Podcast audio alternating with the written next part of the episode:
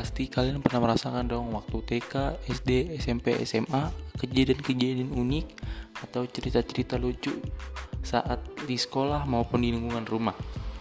Ya, ditungguin ya setiap seminggu sekali kita bakal mengobrol dengan para bintang tamu, bintang tamu yang mempunyai cerita-cerita uniknya. Tetap di ngobrol santuy saja.